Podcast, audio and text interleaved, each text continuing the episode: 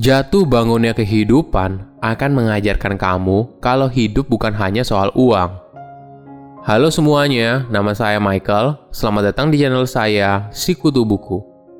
Kali ini saya tidak membahas buku, tapi soal kisah inspiratif dari Tommy Wong, CEO Victorindo Group dan juga Ketua Billionaire Mindset Indonesia.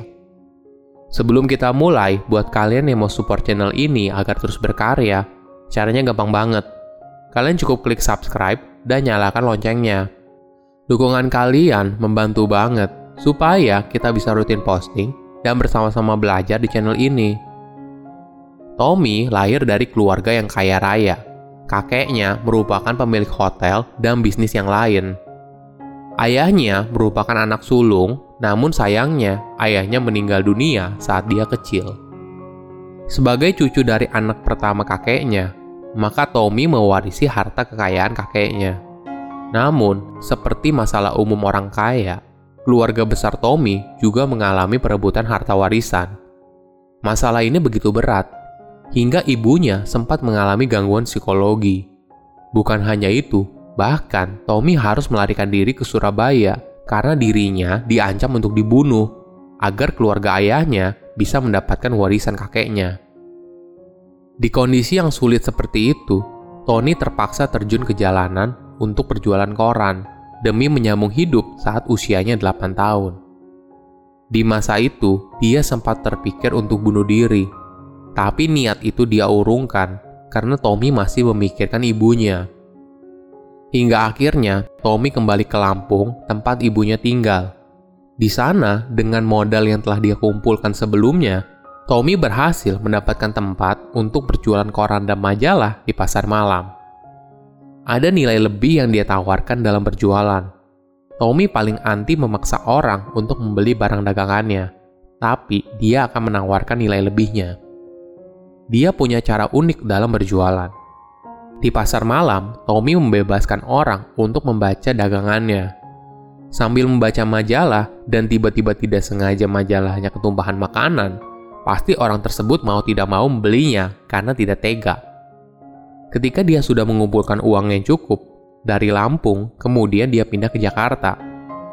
Di sana, Tommy dan ibunya tinggal di rumah neneknya di daerah Tanjung Duren. Setiap kali jalan pulang, dia selalu melihat kondominium Taman Anggrek dan punya impian suatu hari bisa tinggal di sana. Bagi Tommy, tidak ada yang salah dengan punya impian, Anggaplah punya impian seperti jari tengah kita, artinya setinggi mungkin. Ibaratnya punya mimpi setinggi bulan. Kalaupun kamu jatuh, kamu jatuhnya masih di awan. Artinya tetap tinggi juga. Dalam perjalanan, Tommy juga tidak langsung sukses. Pada masa itu, ibunya memproduksi pakaian untuk bayi. Tommy melihat sendiri bagaimana ibunya diperlakukan oleh pemilik toko saat itu, ketika habis mengantar barang ke toko, ibunya tidak boleh langsung menagih uang karena masih pagi. Hingga siang hari, ibunya baru boleh datang lagi ke toko untuk menagih. Dari situ, Tommy bertekad untuk mengubah hidupnya dan tidak ingin melihat ibunya diperlakukan seperti itu lagi. Hingga suatu hari, Tommy melihat toko handphone yang ada di seberang toko tempat ibunya menagih. Setelah berbicara beberapa kali dengan pemilik tokonya, Tommy menawarkan diri untuk bekerja di sana agar bisa membantu ekonomi keluarganya. Dia menawarkan nilai lebih. Tommy bersedia dibayar setengah dari gaji pegawai di sana dan mampu bekerja dua kali lebih keras daripada mereka. Akhirnya, si pemilik toko tergugah hatinya dan memberikan Tommy kesempatan untuk bekerja. Kinerja dia yang bagus membuat bosnya memberikan Tommy kepercayaan yang lebih besar, dan akhirnya dia diangkat menjadi manajer toko di sana. Ketika kondisi terlihat sudah mulai membaik, nasib buruk kembali muncul. Pada tahun 1998, terjadi kerusuhan dan toko handphone tempat Tommy bekerja habis dijarah. Berbulan-bulan kemudian, Tommy bekerja serabutan. Dengan sisa uang yang dia miliki, Tommy menemukan kesempatan untuk ikut pameran di salah satu mall. Tapi, uangnya hanya cukup untuk membayar uang sewa selama satu bulan. Di sana dia ingin berjualan handphone, tapi saat itu dia tidak punya modal. Yang dia punya adalah handphone Nokia untuk isi ringtone. Jadi itulah yang dia lakukan. Tommy menawarkan jasa pengisian ringtone ke handphone konsumen. Kemudian, saat malam hari, Tommy memungut brosur handphone yang dibuang saat pameran. Brosur itu dipotong, kemudian gambar handphonenya ditempel di atas sebuah gabus. Lalu, Tommy memajang semua display itu di tokonya. Semua itu dia lakukan karena Tommy punya mimpi untuk bisa punya toko handphone sendiri.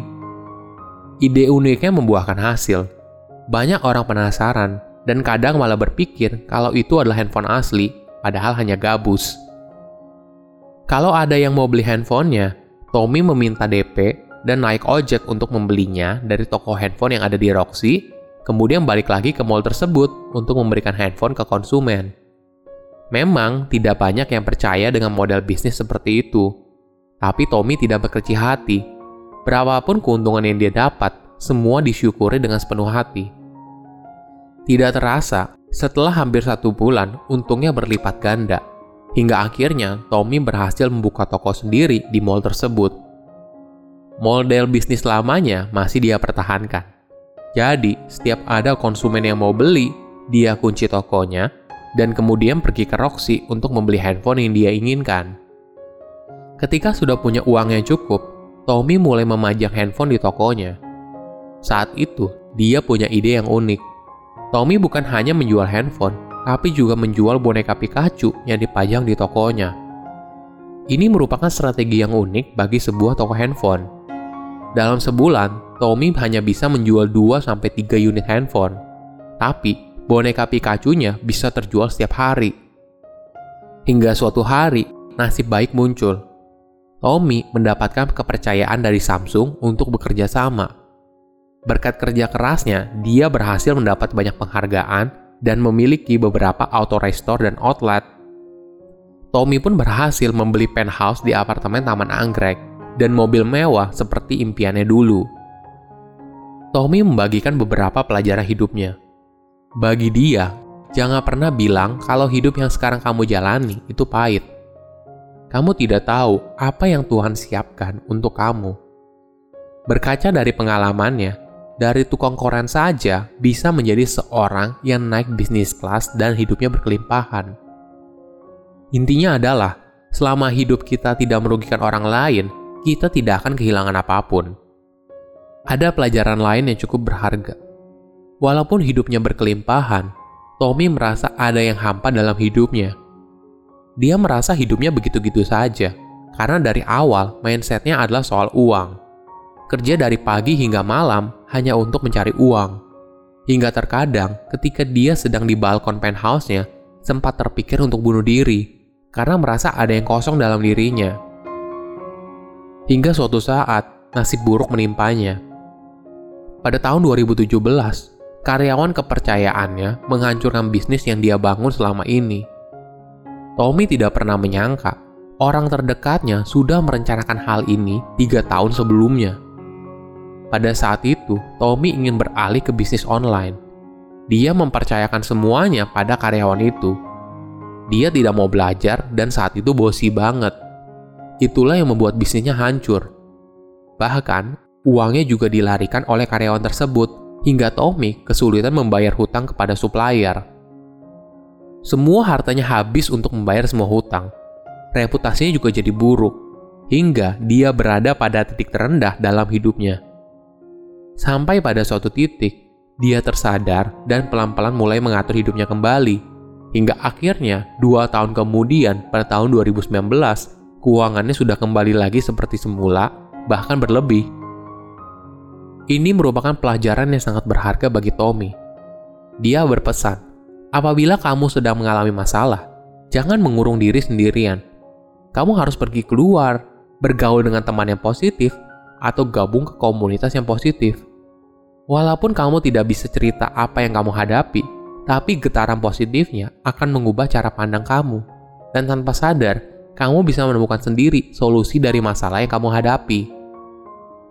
Jangan menjadikan uang sebagai tujuan utama. Hidup yang berkelimpahan bukan hanya soal materi, tapi juga soal keluarga, pertemanan, dan membantu orang yang membutuhkan. Silahkan komen di kolom komentar pelajaran apa yang kalian dapat dari kisah inspiratif ini. Selain itu, komen juga mau tahu kisah inspiratif apa lagi yang saya review di video berikutnya. Saya undur diri, jangan lupa subscribe channel YouTube Sikutu Buku. Bye bye.